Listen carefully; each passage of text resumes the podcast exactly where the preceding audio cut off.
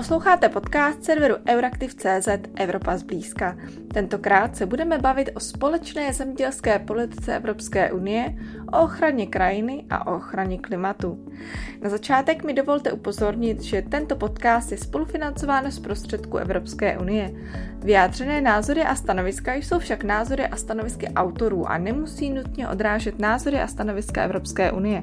Evropská unie ani orgán poskytující podporu za ně nenesou žádnou odpovědnost.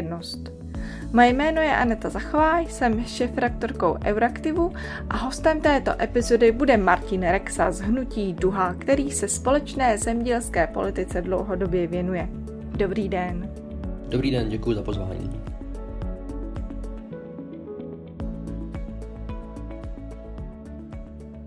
Mě by vlastně zajímalo teď v poslední době i třeba s ohledem na eh, právě ukončenou eh, konferenci klimatickou COP27, tak řešíme neustále celá globální společnost dopady změn klimatu. Zajímalo by mě, jak vlastně ta klimatická změna konkrétně dopadá na zemědělství. Co byste mohli jmenovat jako ty největší odrazy klimatické změny v tomto sektoru? V první řadě je určitě dobře, že to konečně řešíme, protože už se na to upozorňovalo samozřejmě dlouho a řešíme to dost na poslední chvíli a ty, ty dopady i na to zemědělství už, už rozhodně vidíme. Myslím, že tenhle rok to bylo hodně patrný. V první řadě jsou to samozřejmě sucha, které dopadají na, na výnosy plodin. Letos jsme měli vlastně obrovský sucho na, na jihu Evropy, kde, kde se ty poklesy, a to teď celo, celoevropský vlastně, Eh, produkce odhadují u některých plodin třeba až o 20% poklesy právě kvůli těm suchům, takže eh, tohle to už cítíme velmi, velmi zřejmě. V České republice jsme taky samozřejmě zažili už sucha, která tu, která tu produkci ohrozila. A, a pak to samozřejmě jsou další, další věci typu dalších extrémních projevů počasí typu přívalových dešťů, které, můžou, které budou určitě intenzivnější čím dál víc a budou samozřejmě ohrožovat hlavně zemědělskou půdu, například erozí půdy, kdy třeba ministerstvo zemědělství odhaduje, že to riziko vodní eroze se zvýší do roku 2030 dvakrát a taky samozřejmě čím dál větším problémem je i větrná eroze, která skrz to, skrz to vlastně mm, sucho může rychleji vysu, se rychleji víc vysušuje ta půda, pokud není nějakým způsobem zakrytá a tím to zvyšuje i to riziko ty, ty, ty větrné eroze. No a pak samozřejmě jsou další dopady typu eh, ty vedra, která budou intenzivnější a budou určitě dopadat i na, na tu zemědělskou práci a na zdraví těch pracovníků zemědělství. Ehm, možná tady začneme zažívat víc požár, jak jsme taky letos viděli. A samozřejmě i ten dopad na, na biodiverzitu ehm, je převážně, nejspíš bude převážně negativní, zvlášť v té naší krajině, kdy, kde chybí tady ta krajná struktura a ty, ty vlastně organismy se třeba nemůžou ani moc přesouvat napříč tou, napříč tou uh, krajinou a to bude mít samozřejmě ten pokles biodiverzity, který už dlouhodobě zažíváme a ta klimatická změna ho může nějakým způsobem ještě zintenzivnit, pokud s tím nezačneme líp pracovat, tak to samozřejmě může mít dopady na zemědělství z hlediska opilování plodin nebo i vlastně jako přirozené regulace škůdců uh, skrze ty přirozené predátory, které v té krajině můžou žít a můžou třeba pomáhat snižovat spotřebu pesticidů. Eh, vy jste vlastně zmínil eh, erozi, zmínil jste sucho. Eh, máme už v současné době vlastně nějaká opatření, která, kterými můžeme těmto projevům čelit, protože vím, že tady jsou ty globální snahy, abychom vlastně zpomalili třeba to globální oteplování. Nicméně je jasné, že zkrátka ta změna probíhá, probíhat bude, tak už jsme vyzbrojení vlastně proti, proti těm změnám právě v oblasti zemědělství. No, vyzbrojení. Jako jsou určitě nástroje, které se dají používat, eh, jak samozřejmě to, co můžou dělat zemědělci, ale třeba i to, co je v podmínkách zemědělských dotací ve společné zemědělské politice, s čím se nadále pracuje. Tam je samozřejmě otázka, jak moc efektivní ty, ty opatření jsou. Podobně vlastně uh, někdy v červenci minulého roku začala platit protierozní vyhláška, nebo byla schválena teda, ale zatím ještě v podstatě, co, co vím, tak se moc jako neaplikuje, teprve se s tím začíná. Eh, takže ta opatření jsou, ale ehm, je to často i na zemědělcích, jak se s tím, jak ta opatření použijou, jestli použijou smysluplně, protože často eh, i v těch třeba nastavení těch dotací je možnost, jak ta opatření udělat jakoby méně efektivně nebo jak je udělat le, více efektivně a uh, záleží pak právě třeba i na zemědělcích, jestli to využijou tak, aby zabránili třeba tomu odnosu půdy, erozí co nejlépe. Mm-hmm. Takže je to vždycky o nějaké osobní zodpovědnosti, nebo ve velné většině případů to může být o osobní zodpovědnosti těch lidí, kteří hospodaří. Chápu to správně. No, my si samozřejmě myslíme, že by to mělo být právě už nastavený a zejména třeba v těch dotacích, které přece jenom jsou veřejné peníze, které společnost do toho zemědělství dává. A tam by to mělo být nastaveno tak, aby to vedlo prostě k té ochraně půdy, protože to je jako veřejný zájem pro budoucnost i právě v adaptaci na klimatickou změnu, takže ideálně by to mělo být už pokryto těmito věcmi, ale samozřejmě vždycky to bude i o tom přístupu zemědělců a tam já samozřejmě jako věřím, že zemědělci eh, nechtějí poškozovat půdu, je to často nějaký, eh, nějaké jako ekonomické důvody a další. A je to určitě i o tom dále v tomhle tom jako zkoumat, protože eh, tím, jak ty dopady jsou vlastně nějaké ohledu nové, tak určitě důležitou roli hraje i výzkum a zkoumání nových třeba půdochranných technologií a, a tak podobně. Mm-hmm. Vy už jste tady několikrát zmiňoval ty zemědělské dotace, než se k ním ale dostaneme, tak bych se ještě ráda eh, vrátila k jinému bodu, který už tady zazněl, a to je biodiverzita. Eh, vlastně my jsme byli svědky i různých informačních kampaní, kdy třeba různé organizace upozorňovaly na to, že zemědělství v té současné době se opravdu negativně odráží na biodiverzitě, to znamená na nějaké, řekněme, řekněme, rozmanitosti v, v české krajině. Eh, můžete být v tomto trochu konkrétnější? Jaké tedy konkrétní dopady toho zemědělství jsou? Eh, jak se eh, negativně projevují na rozmanitosti druhů v české přírodě? Na tomhle je určitě jako vědecká skoda. Neříkal bych, že to jsou nějaké jako kampaně, nebo respektive ty kampaně často jenom právě se snaží zvýraznit to, že tady panuje nějaká vědecká skoda na tom, že ten převažující model toho zemědělství, má to intenzivní, často až průmyslové zemědělství, tak tam ten převažující dopad na tu biodiverzitu je negativní, což ale neznamená, že samozřejmě eh, všechno hospodaření eh, je v tomto ohledu negativní. Naopak, když to hospodaření je šetrné, tak ten vliv má naopak pozitivní, zejména třeba na nějakých mm, loukách, pastvinách, kde, kde to extenzivní hospodaření má na tu biodiverzitu vliv rozhodně pozitivní. Takže tam, tam je určitě i eh, klíčová role zemědělců v tom právě, že tu krajinu eh, v podstatě do velké míry spravují. Ale k těm dopadům my to vidíme na těch, na těch datech, která, která máme z různých monitoringů. Víme, že napříč, třeba, napříč Evropou vlastně klesly například stavy lučních motýlů, těch, který byly monitorovaný od roku 90 o téměř 40% V České republice máme dobrá data na, na polní ptactvo, které vlastně klesá velmi významně a vlastně mnohem výrazněji než třeba běžní ptáci nebo, nebo eh, ptáci jako lesní. Vidíme to třeba na stavech těch dřív typických ptáků té polní krajiny typu koroptvíček, skřivanů, které jsou opravdu jako na, na zlomku populací z těch dřívějších eh, časů a, a je to samozřejmě logické, když se podívá člověk na, tu, na to, čím, jakou cestou se to zemědělství ubíralo znamená ta intenzifikace jak v těch chemických vstupech typu pesticidů nebo intenzivního hnojení a tak zároveň v tom vlastně odstranění té, té krajinné struktury typu krajinných prvků, kdy, kdy ta čísla, co se vlastně od, od války podařilo z té krajiny odstranit, e, jsou opravdu vlastně jako šílená. A i, i třeba samozřejmě zvětšení velikosti polí, která pak uh, poskytují mnohem méně prostoru té biodiverzitě. Takže ty důvody jakoby jsou vlastně dost logické a zároveň, ale co je jakoby nějaký pozitivní příslip je, že víme, že ta biodiverzita se umí velice rychle obnovovat. To znamená, kdybychom tu krajinu začali skutečně napravovat, tak eh, to není ztracený, ale naopak eh, může se to rychle vrátit. Otazník je tady samozřejmě právě u dopadů té klimatické změny, protože tady ty, eh, jakoby ty negativní dopady toho intenzivního zemědělství v kombinaci s dopadama té klimatické změny samozřejmě může mít ještě výraznější dopad a bude otázka, u jakých druhů už je třeba pozdě, u jakých ještě ne a jak to celkově jako ovlivní dál tu biodiverzitu. Mm-hmm. Vlastně téma biodiverzity a vůbec nějakého šetrnějšího hospodaření v krajině bylo i předmětem reformy. Eh, reformy zemědělské politiky Evropské unie, protože tady Evropská unie dotuje eh, zemědělství nejen v Česku, ale po celé Evropě. Je to dokonce eh, jeden, jedna z těch největších rozpočtových kapitol evropského, řekněme, tě, toho balíku peněz. Když se tady podíváme na tu novou společnou zemědělskou politiku, která by vlastně měla startovat s rokem 2023, tak my jsme byli svědky různých debat, které se týkaly třeba zastropování zemědělských dotací, to znamená omezení e, dotací pro ty největší e, farmy.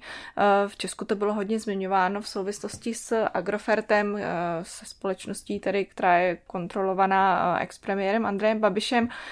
Nicméně, když se podíváme přímo na to, jak by ta nová společná zemědělská politika měla pomoci v ochraně krajiny a klimatu, tak jaký, jaký hodnotíte? Udělala Evropa um, nějaký krok ku předu v té nové zemědělské politice? No určitě udělala krok ku předu uh, a samozřejmě ten, ten evropský rámec je nějakým způsobem, a zvlášť teď v té nové politice, nastaven tak, že pak záleží právě na těch státech, jak to pojmou. To znamená, ten samotný rámec, tý, který vzešel jakoby z té evropské úrovně, je, je určitě posunem, samozřejmě není dostatečným posunem, takže tam asi se na to člověk může dívat jako nějakým optimistickým pohledem, že samozřejmě ta politika je, ta, ta zemědělská politika nebo dotační politika je samozřejmě obrovský kolos, který se uh, i právě díky různým tlakům uh, ze všech stran otáčí dost, dost pomalu nebo těžce, takže tam, tam jakoby ty nějaké pozitivní posuny lze hodnotit pozitivně. Na druhou stranu ten pesimistický pohled, nebo možná realistický pohled, je, že samozřejmě ty posuny nejsou takové, aby těm výzvám, kterým ta krajina evropská i česká, eh, a to zemědělství, kterým čelí, tak eh, tam ty změny nejsou určitě dostatečný nesměřuje to k dostačující adaptaci té krajiny na, na, na klimatickou změnu. Nejspíš to ani ne, nepřispěje úplně tomu splnění cílů eh, zelené dohody. Eh, typ třeba těch vyčlenění 10% nějakých těch mimoprodukčních prvků, které by právě pomohly jak té adaptaci, tak hm, biodiverzitě. To znamená, že ty celkově my to hodnotíme, že ty, ty veřejné peníze, které do toho jdou, nejsou využity nebo nebudou využity dostatečně efektivně a že je to nějaký jakoby ještě mm, eh, mezistupeň nebo nějaký přechodný období k tomu, aby se to nastavilo ještě, ještě lépe. Samozřejmě otázka je zase, jak, jak teď ty další roky, že teď to bude vlastně dalších pět let fungovat, tak eh, co se zase stane z dopady klimatické změny a jestli, kolik bude mít ještě na to času pak ten, ty, ty trendy negativní třeba v tom úbytku biodiverzity obrátit, protože tady pochybuju, že by, že by třeba mm, ta zemědělská politika mm, obrátila ty, ty trendy negativní. Eh, vlastně součástí tady těch, eh, té nové společné zemědělské politiky jsou eh, ekoschémata, což si chápu dobře, tak jsou takové platby navíc pro zemědělce, kteří dělají nějaká, řekněme, opatření navíc, že se ještě lépe starají o krajinu, než tedy je dáno v podmínkách čerpání těch klasických zemědělských dotací. Mm, myslíte si, že ta ekoschémata budou dávat nějaký smysl, že třeba ti eh, místní zemědělci skutečně budou využívat a že to může té krajině nějakým způsobem efektivně prospět? Myslím, že ano, v tom ohledu, jak jsou teď nastavená, protože ono dlouho to vypadalo, že to, s čím přišlo ministerstvo zemědělství, vypadalo dost podobně jako třeba ten předchozí greening, byla to nějaká jako plošná platba za dost, nebo ne za, za tolik náročné podmínky. Na, nakonec se tam podařilo prosadit nějaké dost důležité věci, kde tady bych je vyzdvihl roli nevládních organizací typu té naší nebo, nebo dalších ekologických organizací, kdy jsme to hodně připomínkovali a navrhovali jsme nějaké vlastní návrhy. To znamená, teď v těch ekoschématech vlastně, uh, abych to nějak popsal, fungují a vlastně nějaká celofaremní platba, která, která eh, je právě ta plošná platba a očekává se, no ministerstvo zemědělství očekává, že do toho vstoupí všichni zemědělci. A tam přibyly určitě nějaká důležitá opatření, třeba to, co, čeho my si hodně ceníme a co jsme hodně prosazovali, je, že třeba kolem vodních toků budou muset právě za tu, tady tu platbu navíc vzniknout ochranné pásy kolem vody 6-metrové, které tím pádem budou bránit uh, třeba erozi a zároveň samozřejmě poskytnou i nějaký ten prostor biodiverzitě. A mm, tohle opatření si vážíme i protože je vlastně jako cílené, že ne, v úvozovkách nelze jakoby pokazit. Prostě kolem té vody, pokud ten zemědělec ty peníze bude chtít, tak ten pás bude muset udělat a uh, bude plnit tu svoji uh, roli. Takže to jsou, to jsou věci, které v těch schématech přibyly. Taky tam přibylo to, co původně, o, tom, o čem se jako neuvažovalo, pak to bylo přislíbeno panem ministrem Nekulou a pak to za chvíli vypadalo, že to vůbec nebude, ale nakonec se to podařilo. A což je nějaká jakoby prémiová úroveň, která odmění ještě za, jakoby za víc, uh, za, za lepší opatření než ta celofaremní jako platba, uh, což budou třeba například ještě širší ty ochranné pásy kolem vody, protože samozřejmě těch 6 metrů je nějaký takový jako základ ochrany.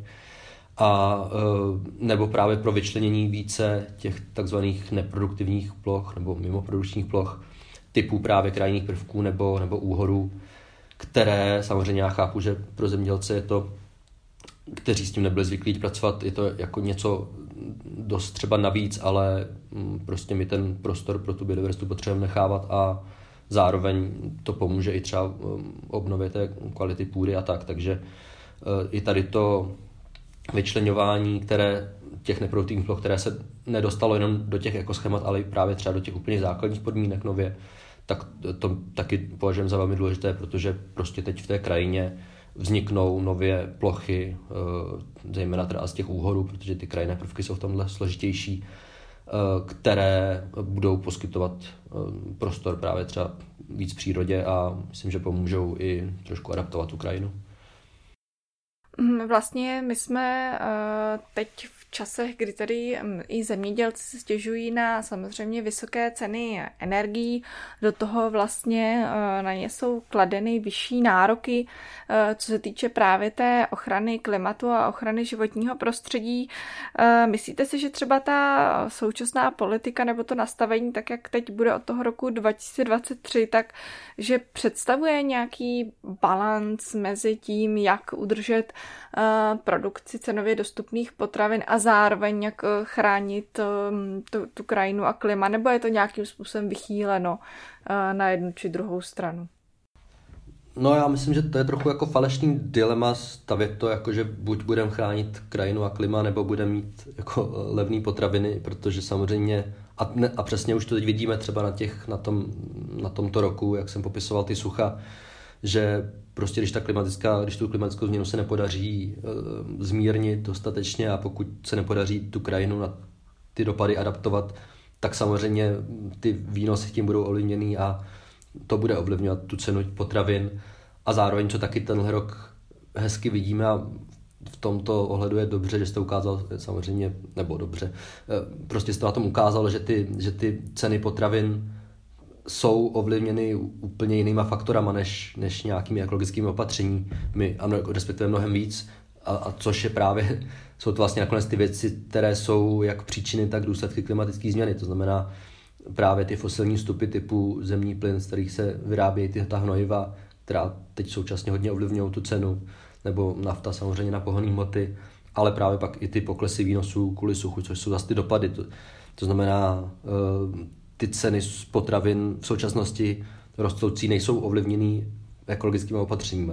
A já osobně neočekávám, že ta opatření, která teď tam jsou, která nejsou zas tak, uh, jako, jak bude se v nich muset pokračovat dál, tak neočekávám, že to, uh, že to by tohle mělo způsobit nějaký jako výraznější růst cen. Ty ceny jsou prostě ovlivněny uh, jinými věcmi, třeba i třeba i finančními spekulacemi na trhu, na trzích, což se třeba ukázalo právě po válce, nebo po začátku války vlastně na Ukrajině, kdy, kdy jakkoliv ta produkce vlastně zůstala uh, větší míry zachovaná, tak ty trhy v tomhle tom a ty finanční spekulace, které v tom jsou dovolené dělat na těch neregulovaných trzích, tak způsobovaly taky nárůsty cen, co, což pak samozřejmě způsobuje problémy, zejména třeba v těch rozvojových zemích.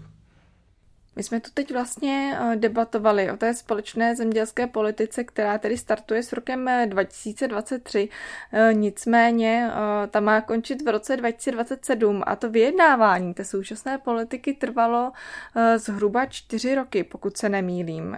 To znamená, že velice brzo, ne tedy ani letos, zřejmě ani ne příští rok, ale potom budeme muset otevřít debatu o tom, jak vlastně by měla ta společná zemědělská politika vypadat vypadat eh, právě eh, na konci této dekády. Mm, jaká jsou vaše doporučení pro tu společnou zemědělskou politiku po roce 2027? Jak by měla vypadat? No podle nás, jak už jsem říkal, určitě se bude ještě muset dál posílit ta environmentální složka, protože ty současné změny jsou spíš nějaké, my to považujeme jako za spíš přechodové změny a, a je samozřejmě dobře, že je nějaký prostor, aby se tomu jako zemědělci mohli přizpůsobit takže určitě posílit tuhle složku. A samozřejmě bude velká otázka, jestli tu, tu politiku nějakým způsobem výrazně transformovat, anebo jestli uh, udělat jakoby posuny v rámci toho současného nastavení. To, ta diskuze nás určitě ještě čeká a jak, jak říkáte, začne asi brzy. Myslím, že jako na evropské úrovni to, co začne připravovat hlavně až po, po těch volbách do Evropského parlamentu, které jsou myslím v roce 2024, kdy vznikne vlastně jako nová, nová Evropská komise, která ten uh, směr nastaví, takže uh, ty diskuze začnou určitě brzo a uh, bude ta diskuze určitě náročná, ale, ale potřebná. Pane Rexe, já vám moc děkuji, že jste byl hostem našeho podcastu a budu se těšit třeba zase příště v podcastu Evropa zblízka. Taky moc děkuji. Z redakce Euraktiv.cz se s vámi pro tentokrát loučíme. Děkujeme, že nás posloucháte. Budeme rádi, když podcast Evropa zblízka doporučíte svým kolegům a známým. Sledujte nás také na sociálních sítích či na webu, aby vám neunikla naše nová epizoda.